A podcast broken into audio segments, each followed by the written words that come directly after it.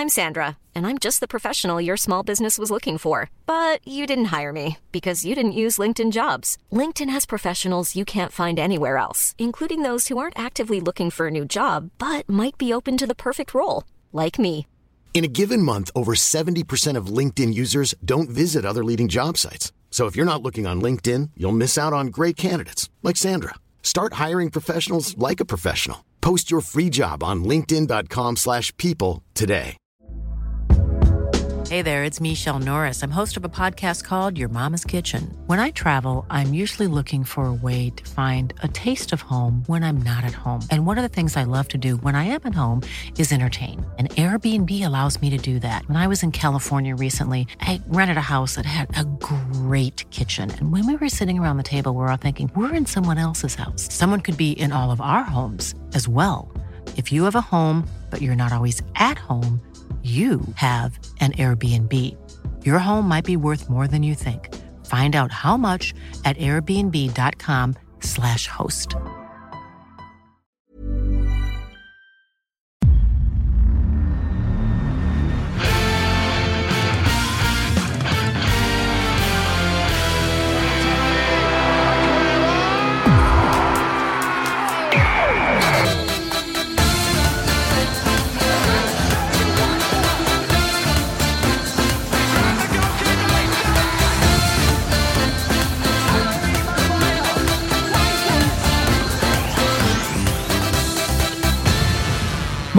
Välkomna till Spelpodden. Det är fredag den 2 februari och eh, transferfönstret har stängt. Äntligen, skulle man kunna säga. Då slipper man fundera på vilka spelare som ska vart och Lukas Bergvall-soppan är stängd till slut. Eh, Daniel, vi pratar ofta spel, så där tycker jag att han valde rätt, Lukas Bergvall. Vill ändå höra en åsikt.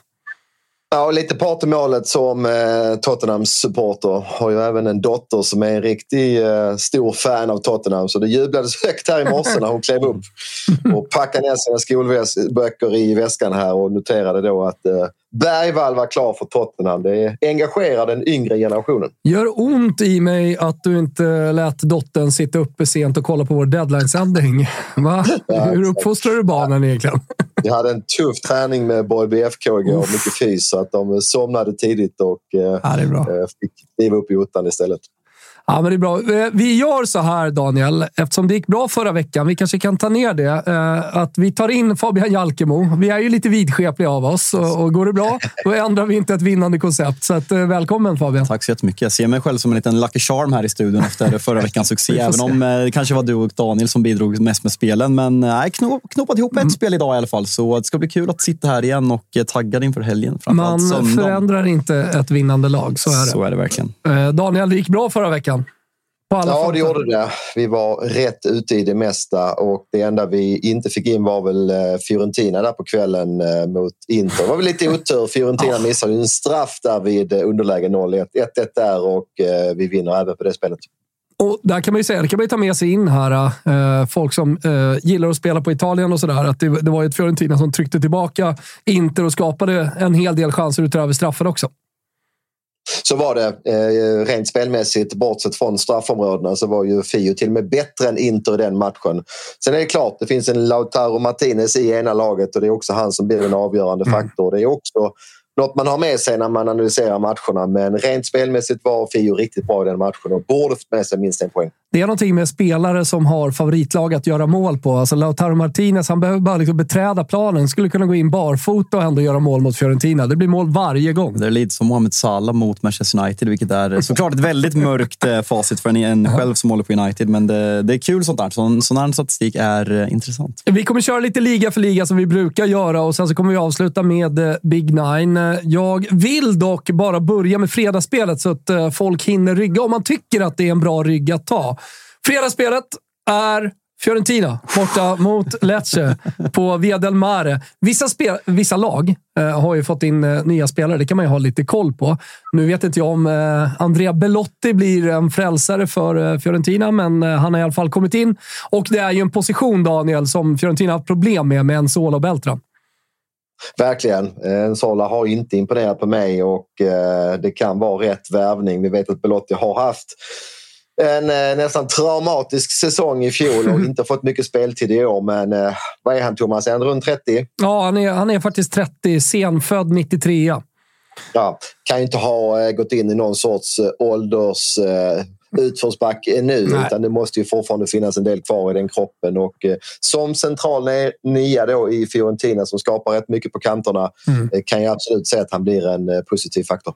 Mm, och eh, kollar man då på Lecce jämför med det här Fiorentina. Vi tar med oss lite också den prestationen man stod för mot Inter som ändå får ses som ett eh, positivt steg framåt även om det var ett negativt resultat. Eller hur Daniel? Så tycker jag att Absolut. det känns väldigt mycket Fiorentina Absolut. i den här matchen.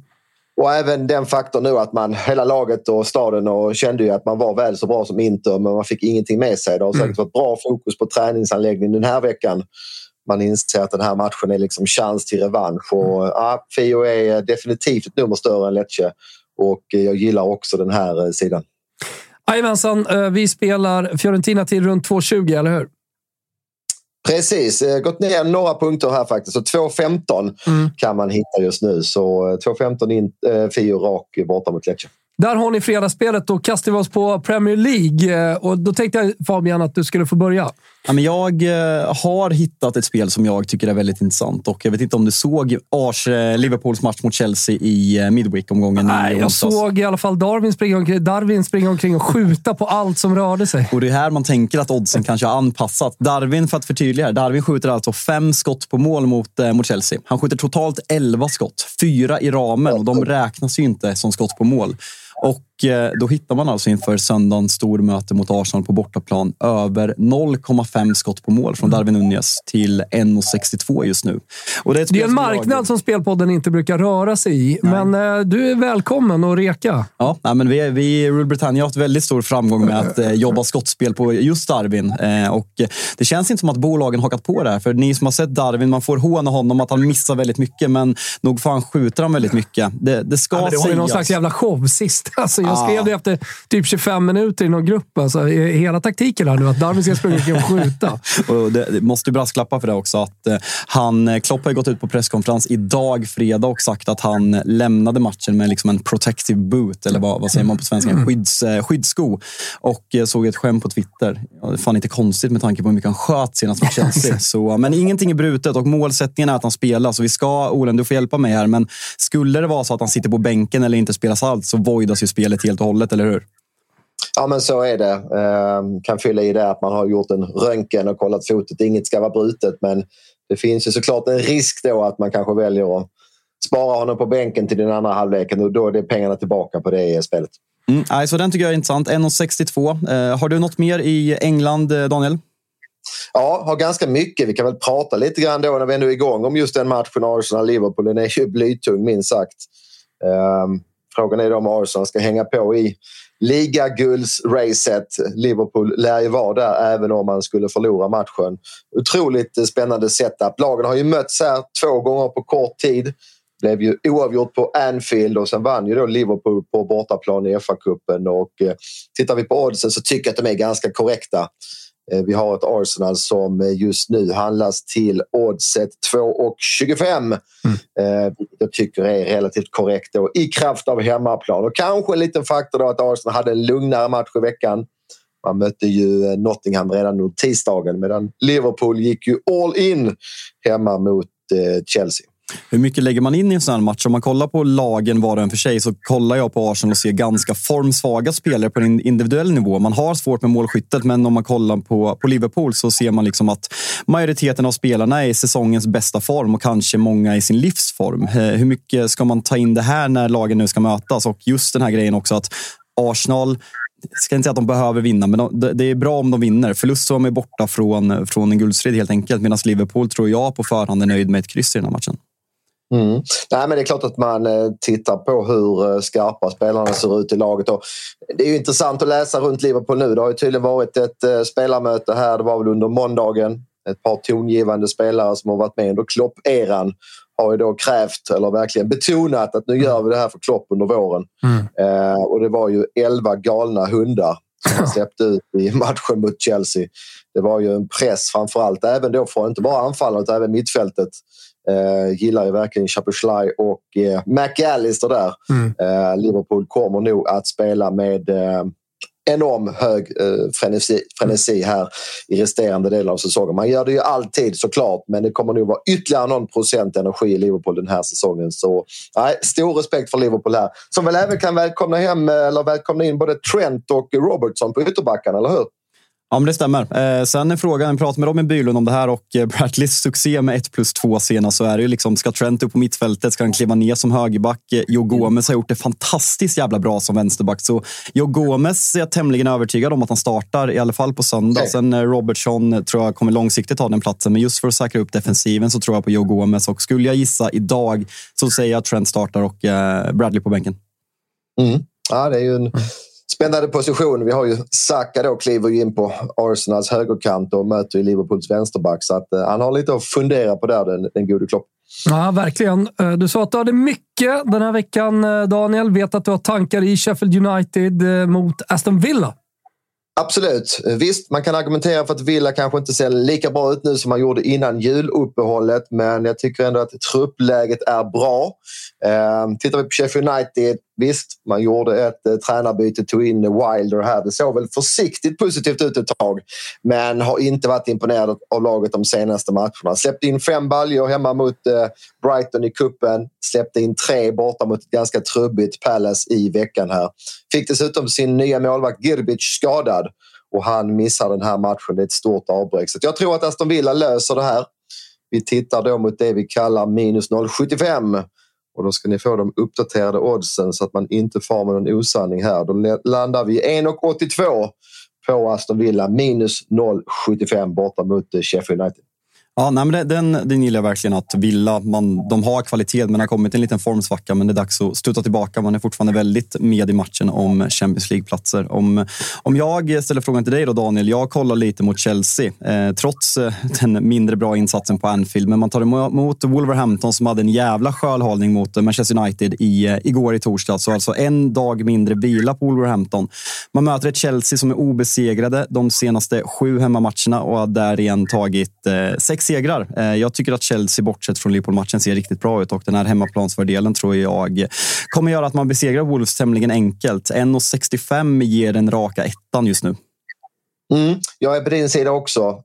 Um, Chelsea får en extra dag vila. Som du, två dagar, en dag extra vila blir det, som du är inne på. Uh, Wolves fick ju dessutom en uh, otroligt tuff match mot ditt gäng igår kväll.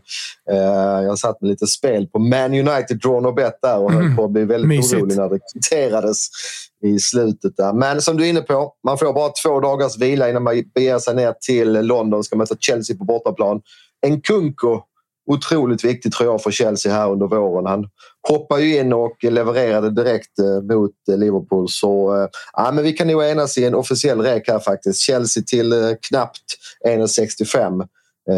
Det tar jag rygg på, eller det spelar vi faktiskt och ger en officiell rek på. Härligt! Kan vi lämna England eller ska vi vara kvar?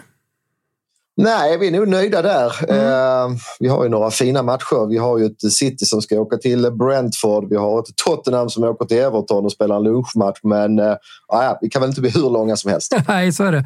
Går han in från start där, Lukas Bergvall? alltså, men jag har ingen alltså, koll på alltså, Jonas Kusiasari. Han, han presenteras med nummer nio. alltså, det är Harry Kanes nummer. Alltså, alltså Höj, Höjbjerg har ju liksom gjort tio startmatcher för Spurs, så ja. han är inte sämre än dansken. Nej, men har, alltså, allting har ju bara varit ett fokus på transfersummorna. Jag, jag har ingen aning om vad... Är det något B-lag, något juniorlag? Vart ska de här... Men han, han, han har ju på svensk mark till eh, sommar. Ja, ja, såklart. Och så får man se. Ja, just det, Lukas Bergvall är kvar. Men Jonas Kusiasari åker väl, reser till München direkt? Ja, han är också Sen är lite sämre påläst på. Pratar vi Bergvall så eh, mm. ska han spela Allsvenskan under våren och får en försäsong med Tottenham. Eh, Kusiasari har jag inte forskat lika mycket kring. Det vore intressant att, att veta mer kring det. Jag tror ja. att planen, med tanke på att han fick nummer nio, att han ska spela matcher för deras U18 eller om det är mm. liksom U21 eller vad det är, men mm. träna stundtals med A-laget. Ja. Lite som, det var väl något liknande när Alexander Isak värvades till, till Dortmund. Just det. Så, det blir mycket andra lag ja, i Dortmund. Så nummer nio i A-laget tror jag inte vi kommer att få se i, i vår det hade ändå varit starkt. Harry Kane byter nummer. uh, nej, men uh, vi, vi ska till Italien. Jag har faktiskt ett spel. Allting över 1,70 på Bologna tycker jag är bra. Uh, det skiftar lite på olika spelbolag, jag. Um, därför säger jag att allting över 1,70 är bra på Bologna. Jag tror att de kommer göra det jävligt bra. Berardi fortsatt skadad i Sassuolo. Tungt, Tungt eller hur, Daniel?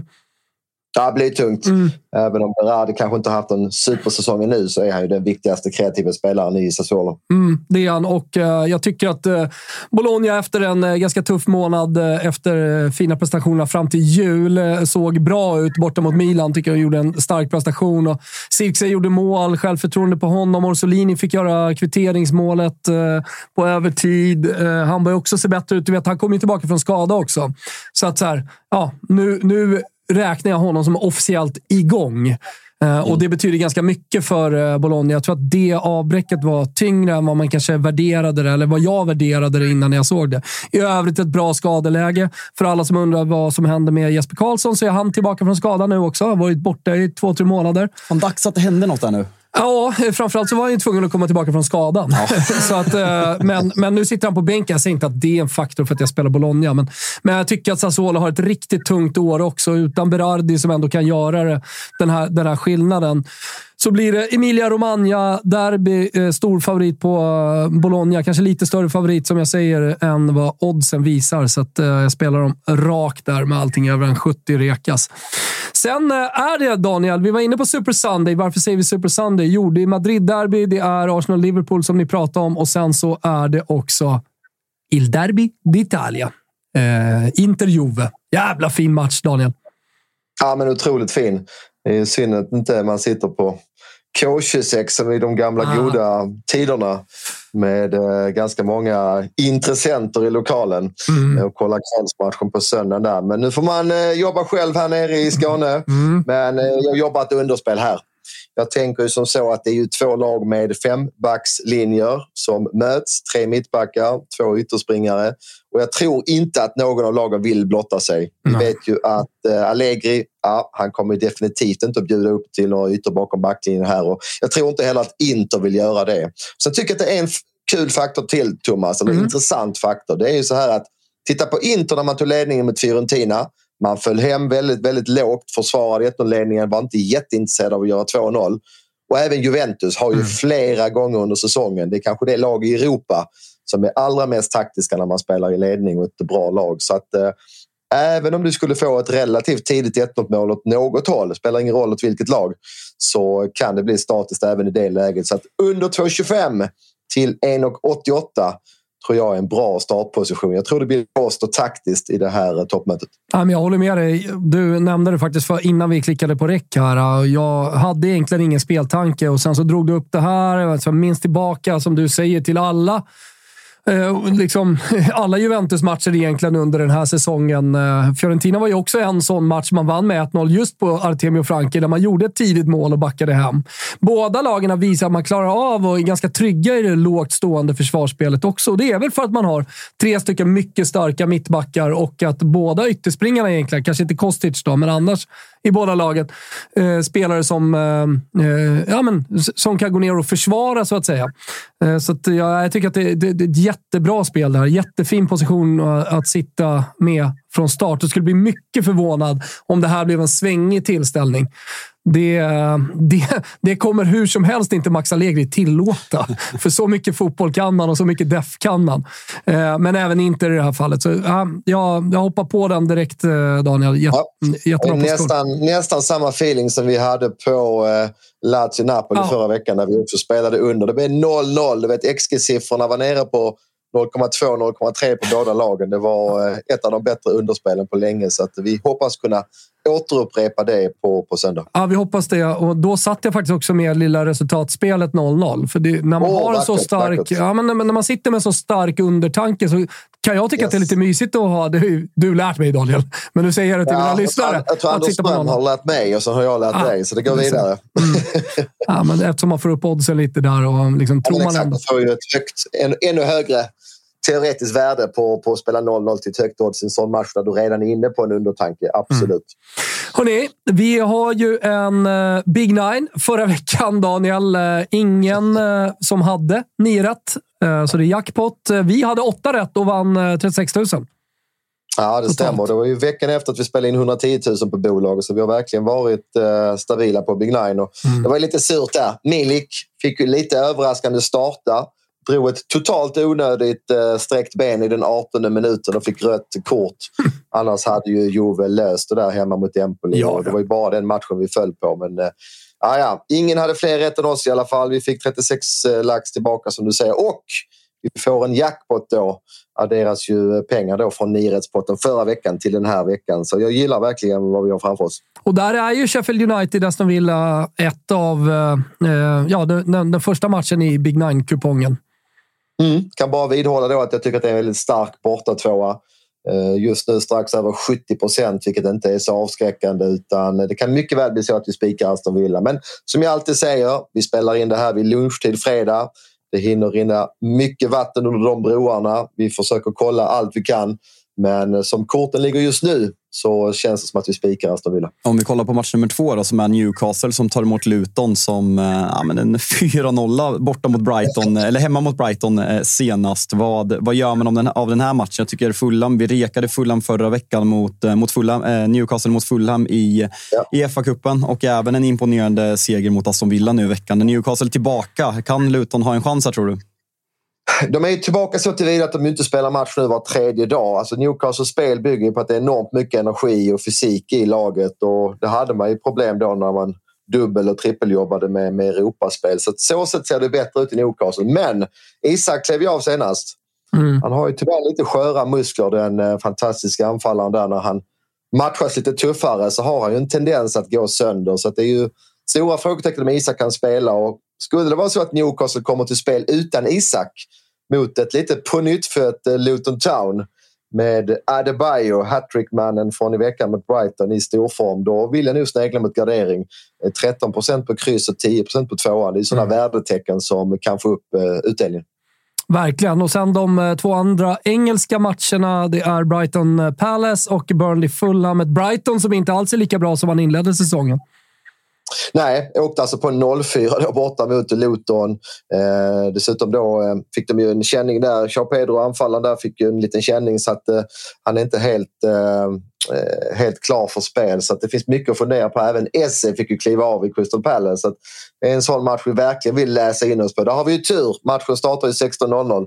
Så där hinner vi ju se line-ups kring vem som är redo att starta. Och sen nämnde jag Burnley Fulham. Vill ni säga någonting om den? Två lag med svag form. Precis, inte så mycket att säga men eh, det är en ganska jämspelad match mm. Eh, tycker både oddsmarknaden och svenska folket. Så att jag har ingen stor idé där just nu. Vet du vem Frosinone har värvat igår på deadline day? Ja, det var väl Boateng, eller har jag fel? Var det Jerome. Jerome Ska vi spika ettan Nej, vänta, Milan, vänta, vänta, vänta, vänta. Nu blandar jag ihop det. det. Salernitana värvade eh, Jerome Boateng, men Frosinone värvade Isak Voral från Bayern. Just ja, så var det. Ah, okay. ja. Eh, så att, eh, jag vet inte om han, om han ska spela eller eh, hur det blir. Jag noterade bara Isak Voral till Frosinone som möter ett Milan som ser väl helt okej okay ut. två segrar, ett kryss senaste matcherna som jag nämnde mot Bologna. Ett, ett bra Bologna ska fan säga ändå, Daniel, mm. i, den, i den matchen. Jag kan dock nämna en statistikgrej här. Det är att Frosinone har tagit 20 av sina 23 poäng på hemmaplan. Så eh, det ska man i alla fall ha med sig när man eh, analyserar den här matchen där Milan är 82 procentare. Starkt av Isak Voral också. Eh, men, ja, jättefin. Liksom, prospektiva kommer han bli bra. Isak Voral, men kanske inte här och nu. Bologna, Sassuolo har vi pratat om ganska mycket. Sen så är det tre spanska matcher. Granada, Las Palmas, Alaves, Barça och sen en jättefin match. Och jag vet inte hur ni tänker. Jag skulle vilja börja där i alla fall. Girona mot Real Sociedad. Ja, men det trodde man inte för ett halvår sedan att det skulle betecknas som en jättefin match. Nej. Men det är ju faktiskt ett Girona då som leder ligan. Och ska man ju tänka på att eh, Real Madrid möter Atletico Madrid här i helgen så det finns ju chans eller risk för poängtapp hos marängerna. Eh, det ser ju fortsatt bra ut i Girona och möter kanske Sociedad i rätt, länge, i rätt läge. Mm. Har väl då både Kubo och Sadik borta och har ju inte visat samma form på slutet. Så att, eh, jag förstår spelarna som har gjort Girona till ganska klara favoriter här. Mm. Barca med Xavi som har meddelat att han lämnar i sommar. Alltså, jag tror att det kan bli en tvärtom-effekt mot Liverpool. Alltså i Liverpool positivt, nu spelar vi för uh, Jürgen Klopp. Man känner inte riktigt samma energi i Barcelona. Uh, spelarmöten och, och grejer. och nu jävlar. Dokumentärer som presenteras för att liksom följa The Last Dance. The last dance. Nej, jag vet inte. The Last Hade kunnat. Det kändes ju som en perfect match där när Xavi efter ja några år kom tillbaka. Den här kloka, tänkande, elegante mittfältaren skulle då anamma tiki-takan igen. På nyttfödda den i Barcelona. Men som du säger, det ser ju bara trött och deppigt ut. Och generellt sett när tränare går ut och säger att de ska lämna efter säsongen då är min, eh, min empiri ser i alla fall att det brukar vara ett eh, slutande plan. Det blir en del spelare som vet om att ja, men den tränaren han är inte här i höst och då kan man tappa lite, lite fokus och lite grann i sin eh, inställning. Så att, Ja, jag är skeptisk till Barcelona eh, i den här matchen. Alaves är inte så tokiga. Barca matchas tufft. 77 procent. Det är ju blixtsyn på den favoriten. det, det är det som är grejen. Alltså, kollar man Alaves så är det tre raka segrar i ligan och Barcelona. Alltså, vi, vi pratade om matchen förra helgen mot Villarreal, men man imponerar absolut inte i en, alltså, så här, en riktigt, riktigt trubbig 1-0-seger mot eh, Osasuna i Midweek. Så nej, den här, den här blir nog helgardering från min sida i alla fall. Mm. Absolut. Mm, och så Granada Las Palmas där, match sju. Där har ni hela Big Nine-kupongen. Så runt det. Eh, mycket spel, många spel. Avsluta med måndagsmatch. Ni ska få ett spel där också. Roma, Daniel. Vad känner vi? Kör! Berätta. Hur? Nej, men det, det är ett Roma som jag tycker ser bättre ut. Alltså jag tycker verkligen att han har fått träff, eh, eh Daniele De Rossi, här på sin anfallstrio med Lo, Lorenzo Pellegrini precis bakom. Alltså Dybala frisk, spelar. Lukaku är där. El Sharawi. Nej, det är ingen dålig spelare alltså. Jag tycker att han eh, har ett bra driv när han driver upp bollen och liksom kompletterar den där eh, trion på ett bra sätt. Till Stadio Olimpico kommer då ett ganska framåtlutat Cagliari. Brukar spela ganska eh, respektlöst på bortaplan också. Det är ett eh, 4-3-3. Eh, Jankto tillbaka, eh, Petagna längst fram. Det här är en match som jag tycker luktar mål på måndagskvällen. Ja, men det kan jag absolut köpa. Vi pratade ju mycket om Roma då för två veckor sedan. Att man från Daniele De Rossis sida ville bryta loss från den här lite mer destruktiva fotbollen som Mourinho spelade och eh, har ju då även en skadefri Dybala. Det är ju en, en förutsättning också för att få eh, Lukaku i rörelse längst fram. Så att, eh, jag kan inte säga emot dig Thomas. Roma jagar spel i Champions League, behöver tre poäng mot bottenkonkurrenten. Eh, väldigt bra chans på över 2,5 mål. Vi kan väl kolla de uppdaterade oddsen även här. Mm, knappt 1,90 eller vad ligger vi? Eh, då tittar vi här. Det är ju som du säger, det är en måndagsmatch och då landar vi på precis 1,86 hittar jag på yes. över 2,5 då i den måndagsmatchen. Ja, det tycker jag är bra. Ska vi summera allting? Det var så mycket spel. Vilket tar från Italien då? Men ni hörde i måndagsmatchen över spel. Fiorentina på fredagen eh, och sen så tror vi på underspel i Derby d'Italia och även ett Bologna. Kanske någon match kände att det var för mycket här. Det var många, många matcher, men det är så när man har... Det är inte varje vecka. Vissa veckor har man noll idéer från Italien, men nu hade vi många idéer och vi har sett mycket också ackumulerat, eh, Daniel, eh, av, av den italienska bollen. Och då kan det bli så vissa omgångar. Ja, men de som har hängt med oss här i några år, eh, vi har ju poddat ihop om spel tidigare, du och jag, de vet mm. att vi inte vill vara slaskiga utan vi står bakom varenda spel vi lägger. Och just den här veckan så blev det kanske något spel mer än vad vi brukar lägga men vi tyckte det fanns värde i, i samtliga spel. Mm. Hoppar vi då till England. Aston Villa minus 0,75 är mitt spel och sen har ju Jalkemo och jag tillsammans då Chelsea Wolves till 1,65 och sen eh, jobbar Jalkemo in eh, skott på mål i eh, Arsenal Liverpool, eller hur? Jajamensan, Darwin Nunez till just nu 1,62 över 0,5 skott på mål. Och så har ni Big Nine. Ni hittar eh, alla andelar och sånt på atg.se slash toto. Larmar kommer ta slut snabbt den här veckan. Det är jackpot. Vi har gått bra på slutet, bara så ni vet om det. 18 år är det som gäller om man ska spela och eh, stödlinjen.se om man har problem. Eh, fortsätt att uppmärksamma jokersystemet.se som är eh, ett eh, jäkligt bra och roligt sätt att spela Big Nine på. Finns på hästar sen tidigare jokersystem till exempel. Och, eh, nej men, eller hur Daniel? Det, det, det är next level. Så är det. Att reducera sina rader både på spel på fotboll och eh, trav, det ökar i längden möjligheten att vinna, absolut. Det var allt för den här veckan och det var ganska mycket. Eh, lycka till i helgen. Ha en trevlig ja, men lördag, men sen Super Sunday och så får vi se hur det går. Toto Live imorgon också, där Toto vi eh, Weekend. går igenom den här jävla superhelgen mer noggrant och pratar fotboll. Och eh, lilla fredagssvepet också ser man fram emot. ser man mycket fram emot. Hoppas vi att Fiorentina-spelet sitter och att Belotti har hoppat in och gjort mål. Eller hur Daniel? Ah, underbart. Du får ladda med pasta ikväll. Det blir en intensiv helg. Stort lycka till alla som lyssnar. Vi hörs. Hej då. Ciao tutti!